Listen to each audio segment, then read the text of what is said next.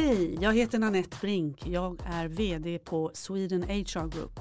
I den här podden diskuterar jag och min kollega Carolina Lilja tillsammans med vår partner Göran Smedberg ifrån Astra Advokater HR, ledarskap och organisationsutveckling ur ett arbetsrättsligt perspektiv. Häng med vet jag! Hej! Hallå vänner! Här sitter jag nu igen. Happy Friday! Sitter jag med min kollega Carolina Lilja. Hello! Och, eh, Göran Smedberg från Astra Advokater. Tjena! Tjena mors! Vi, eh, förra gången så pratade vi om, vi började prata om det här med omstrukturering och med specifikt temat neddragning. Det är ju tyvärr sådana tider nu.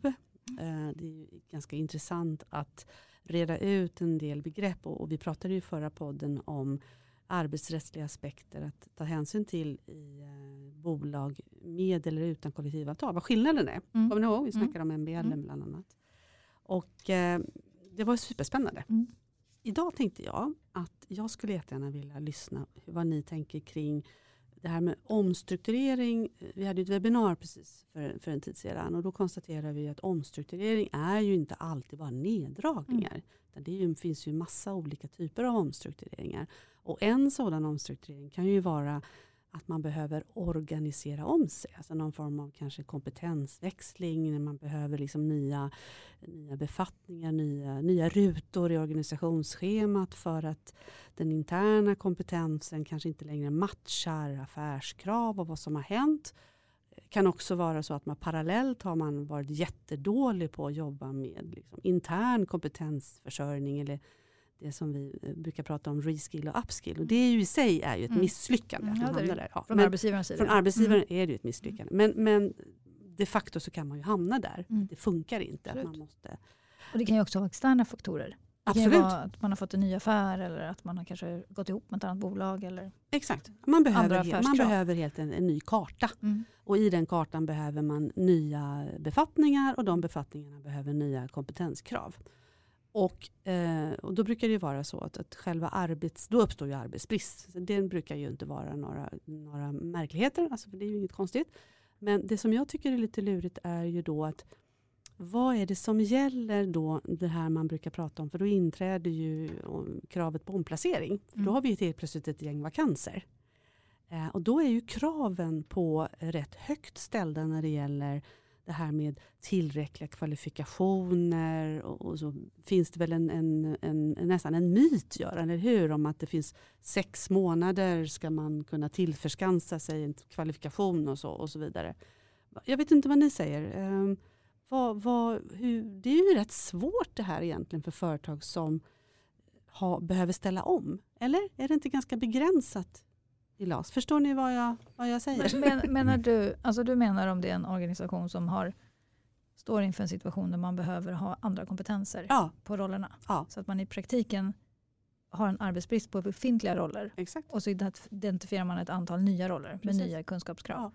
Och så, det är det du menar med att det blir en arbetsbrist och en omplacering? Exakt. Mm. Och, och, och, tyvärr som jag sa så har man varit jättedålig på mm. att, att, att, ta hand om befintlig mm. liksom, kompetens och personal. Så att, men då så är att de matchar där. inte de här Nej, nya? Man skulle, behöva, mm. man skulle tyvärr behöva föra in en hel del extern kompetens. Eller tyvärr, man skulle behöva få till sig extern kompetens. Så. Just det. Och det är ju rätt trixigt. Ja det är ju trixigt. För det, det, jag håller med dig. Jag, hör, jag tycker att man ofta hör ur ett fackligt perspektiv också från arbetstagare och det kanske är en myt.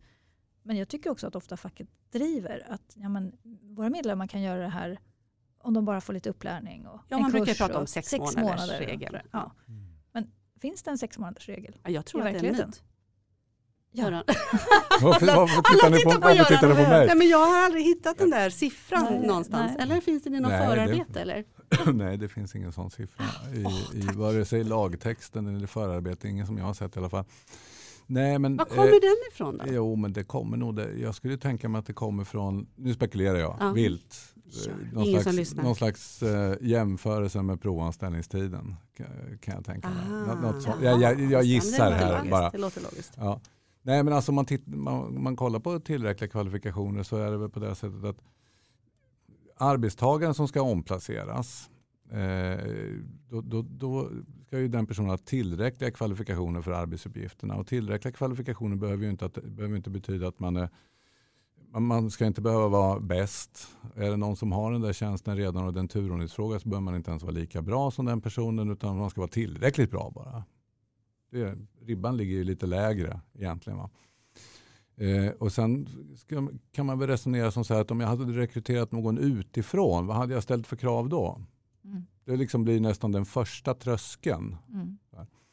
Och det är klart, då blir det sådana här formella meriter man tittar på också. Men, men, jag skulle nog vilja hävda att det kan också komma in sådana här personliga, eh, alltså vad man har för personliga egenskaper och så vidare. Eh, men, men ja, hur lång tid? Ja, man ska kunna, vad säger man, man ska inom en skälig inlärningsperiod pratar man om. älskar ordet man ska skälig. Kunna, ja, man, ska kunna, man, ska, man ska kunna utföra arbetsuppgifterna på ett godtagbart sätt inom en skälig inlärningsperiod. Och det här är ju en gummisnodd. Va? Mm. Hur lång är en skälig inlärningsperiod? Ja, jag, jag skulle ju med en dåres envishet hävda att den kan ju kanske vara sex månader men den kan knappast vara längre än sex månader. Däremot så kan den vara väsentligt mycket kortare. Eh, jag kan nog tänka mig att normalt tre, fyra månader, något sånt. Eh, men det kan nog också vara kortare beroende på hur det ser ut. Behöver man på objektiva grunder få det här att funka redan eh, efter en månad, ja då är den här skäliga inlärningsperioden en månad. Precis, Men det är arbetsgivaren ordet, som har bevisbördan för det här. Ja, ordet skäl i sammanhanget måste ju vara kopplat till det här, i det här fallet då, till exempel de här nya affärskraven. För sex månader kan ju det här bolaget kanske vara i putten. Absolut. Ja, så kan det ju vara. Absolut. För objektiva skäl sa du? Vad sa jag? du sa att, att det om av objektiva skäl finns anledning att uh, kräva en kortare... Ja, inte bara, alltså när jag säger objektiva skäl då menar jag att det inte bara är någonting som man har hittat på. Här, som arbetsgivaren säger, det kan man ju mycket väl tänka sig att i en förhandling så säger arbetsgivaren så här, ja men det här måste funka inom två veckor. Mm. Ja, vad är ett det, objektivt skäl då? Ja, jag, då, menar, då tänker jag som så här att det, om Arbetsdomstolen kommer in och tittar på det här så gör man en genomlysning så här, och konstaterar att nej, det där, det, det där, det där är bara hittepå. Det där är bara någonting som man har sagt. Det måste finnas något slags, ja, men ta, ta liksom- sån här idiotexempel då. Att arbetsgivaren säger att ja, man måste kunna prata flytande ryska på den här, på den här positionen. Mm. Och sen har vi inga kontakter med Ryssland överhuvudtaget. Ja. Då har man ju hittat på någonting bara. Men du sa någonting, eh, du sa någonting om personliga förmågor.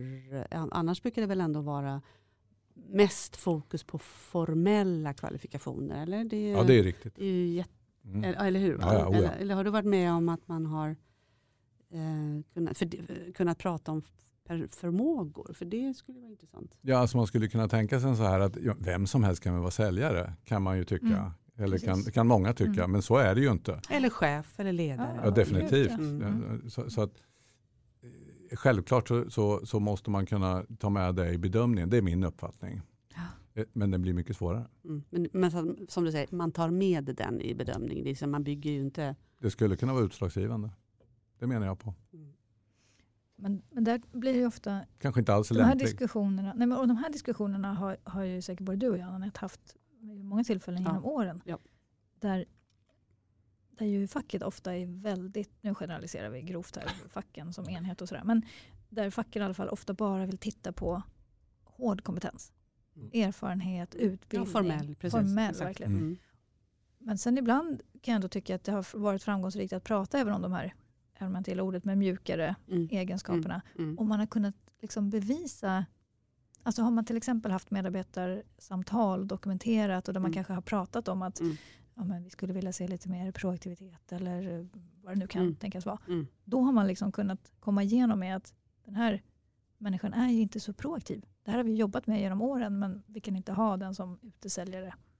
Nu hittar jag på. Ja, jag tror det förutsätter för att annars ja. blir det bara massa tycker. Ja, men, men, men tänk, tänk, så här, det, det, finns faktiskt ett rättsfall som handlar om en lärare Eh, och där ville man ändra kompetenskraven bland annat. Och eh, i det rättsfallet så kom faktiskt Arbetsdomstolen fram till att den här läraren inte hade tillräckliga kvalifikationer till sin egen befattning. Den som den hade redan. Oj. Och det handlade liksom om, om jag kommer ihåg rätt, det var ett tag sedan som jag läste det här rättsfallet, att, man, eh, att den här person, läraren i fråga, det var stökigt i förhållandet med föräldrar eller elever eller någonting. Det funkade inte. Mm. Ja. Och då ligger man ju farligt nära gränslandet till, till, till personliga skäl. Men i det här fallet så, så, så, så säger Arbetsdomstolen nej, den här personen har inte tillräckliga kvalifikationer. Man köpte det. Men det är ju det är en ganska tung bevisbörda för arbetsgivaren att, att klara hem. Mm. Det är ganska modigt. Ja, det är sätt modigt. som arbetsgivare antagligen, så, arbetsbrist. fa- antagligen så fanns det väl goda skäl för, för det. Kan jag tänka mig. Mm. Nej, men det, jag tycker det är svårt. Och det, jag tycker man, det blir mer och mer aktuellt att, i och med att allting bara går fortare och fortare. Och, och just då kanske, och tillbaka till företag som kanske inte är lika duktiga på att ta hand om sin kompetens och se till att det utvecklas. Så hamnar man i de här situationerna att det är väldigt Verkligen. begränsande. Verkligen. Och, och jag tänkte tillbaka till den här diskussionen som vi har. Vad är skillnaden att göra omstrukturering i bolag med kollektivavtal utan? Så är det ännu svårare i Ja, bolag utan kollektivavtal. Eh, och, och jag tänkte på, undrar hur de kom undan med det förresten. Göran, kommer du ihåg på, på 90-talet då ville ju SAS ville, gjorde ju en stor, eller de gjorde det flera omgångar, nej inte SAS, Ericsson, Mm. skulle kompetensväxla Mm. i samband med att smartphones kom in på marknaden Just så kom det. de fram till att ah, shit, våra ingenjörer de fattar inte grejen. Jag hade själv en kompis som var liksom typ så här 40 så fick ett erbjudande om att lämna bolaget. Han kände sig, blev ledsen. Men de drog väl någon slags gräns? De drog någon Vid gräns 40. tror jag, vid 40. Mm. Alltså det skulle kanske inte funka. Då. Men, eh, men då, det är ju en form av att, att vilja, ett väldigt sakligt anledning till att vilja kompetensväxla. För de hade ju inte tid att vänta tio år för att de här andra ingenjörerna skulle fatta grejen. Utan de behövde ju liksom de behövde toppa laget. De behövde Mm. liksom snabbt eh, få till en arbetsbristhistoria och sen få till ett antal vakanser så de kunde fylla på då med, med yngre förmågor som faktiskt använde smartphones. Ehm, och det där undrar jag nu när vi pratar om det. För de, hur, eh, hur kunde de göra det där då? Ja, men alltså jag tror att man ritade om organisationen där och ställde nya krav eh, på, på arbetstagarna. Och det gör man ju naturligtvis utan KA också. Men vad var Ja, skillnaden? precis. Nej, men, och, och, och, och så får, då får man alltså en arbetsbristsituation. Arbetsbrist behöver inte betyda brist på arbete. För ar, exakt. arbet, så ar- är det. Mm. det gick väl hyggligt bra då. Mm, För, mm. På den tiden gick det väl bra för Ericsson. Eh, men sen, sen tror jag att just i en sån där situation, jag tror att det en, en förutsättning för att man ska komma fram här, det är att man har kollektivavtal och att man träffar en avtalsturlista med fackföreningen eller fackföreningarna där man frångår turordningen, alltså sist in först ut. Och kollektivavtalen bygger ju på förutsättningen att man ska försöka nå och trä- och träffa en avtalslista. Ni kommer väl ihåg när vi hade Veli-Pekka här från, från IF Metall så pratade han om det. Mm, Att vi är, det, vi är duktiga på att träffa avtalsturlister. Mm. Och det är just en sån här sak. Att, att, att man frångår turordning vilket betyder att det, de här, det kan vara en person som har längst anställningstid som i och för sig är väldigt duktig. Mm. Men det är inte det som vi behöver nu Mm. för att kunna klara konkurrensen. Det, det här, de här kollektivavtalen de bygger ju på liksom att man, man efter en driftsinskränkning ska vara konkurrenskraftig fortfarande. Just va? det. Och då har man då den här möjligheten att träffa den här avtalsturlistan. Men it takes two to tango. Om, om facket säger nej, ja, då Ja. blir det ju ingen avtalsturlista. Nej. Och då kan måste man avgöra det med tillräckliga kvalifikationer och då kan man ju misstänka sig att de här personerna, de här ingenjörerna då formellt sett har tillräckliga kvalifikationer fast vi, arbetsgivaren, tycker att nej, men vi vill ha något som, någon som är bättre. Mm. Just det. För då skulle man ju kunna hävda att även en, en då inom citationstecken gammal ingenjör skulle kunna lära sig en smartphone. Precis. Mm. Och jag tänker också att det här måste ju ha varit innan ålder blev en diskrimineringsgrund. Ja, det Det var skulle det definitivt. Ja. jag har svårt att se det här Jag fungera tror inte idag. man skulle göra den avgränsningen vid 40. och Bara säga så här, nej ni som är 40 ni får inte vara kvar längre. Men gjorde inte SAS något liknande också? Men det kommer inte Eller? jag ihåg. Göran, gjorde inte Jo, SAS man har, något det, det finns något nu? fall där man har eh, förlorat, förlorat i domstol. Ja, Ja, de Ja. förlorade. Ja. Åldersdiskriminering. Ja. Mm. Ja, nej, men alltså det är inte lätt det här med att Nej, jobba är det med inte. omorganisationer med temat just liksom kompetensväxling. Det är det verkligen inte. Eh, det- men då- kan man väl i och för sig säga budskapet till, till bolag är att vi får hjälpa till att jobba ännu mer med eh, reskill och upskill så att man inte hamnar Precis. där. Liksom. Nej, och så tänker jag också en annan jätteviktig aspekt av det är också att man som arbetsgivare faktiskt har koll på sin kompetensstock. Exakt. Precis, det var precis det jag skulle säga. Jag brukar säga så här att, att det är jätteviktigt för arbetsgivaren Och du hoppade Att- upp i stolen. att, nej men att det det här är superviktigt, att man gör ett bra fotarbete innan, innan man, man sätter igång. Ja. Det vill säga inventera personalen och se vad har de för kompetens. Det är ju urviktigt. Ja, Och, och då Jo men du, det är ju det jag menar men när jag är säger att, att jobba med, Mm. eh, med ständig kompetensutveckling, Exakt. försörjning, reskill, upskill, vad du väljer att kalla det. Det är Ja. ju exakt det. Att ha hela tiden koll på, Precis. inte bara vad du har, alltså naturligtvis vad du behöver för kompetens, men också vad du har för kompetens. Att du liksom Ja. hela tiden kan Precis. justera det där. Annars hamnar man de här. olika perspektiv. För det som du pratar om nu Göran, det är ju inför att man ska göra en sån här stor övning behöver man veta vad folk kan. Ja. Så, ja. Ja. vad vi pratar om tror jag ur ett HR-perspektiv är ju mer ett löpande arbete med att jobba med, alltså jobba med talent management på ett Jo, men, strategiskt jo, sätt. ab- absolut, men det förstår jag. Men- men- Men det är inte det Jag- du går igång på. Nej, men jag, nej, men jag, jag, jag går igång på en hel del saker. Och något som är intressant nu, det är ju att, att eh, det här är en liten parentes. Men- Men en intressant sådan, för det har att göra med kompetens. Mm. Och det är att även om man har sin civilingenjörsexamen eller vad det nu kan heta, så är det ju inte alls säkert att man kan räkna. Nej.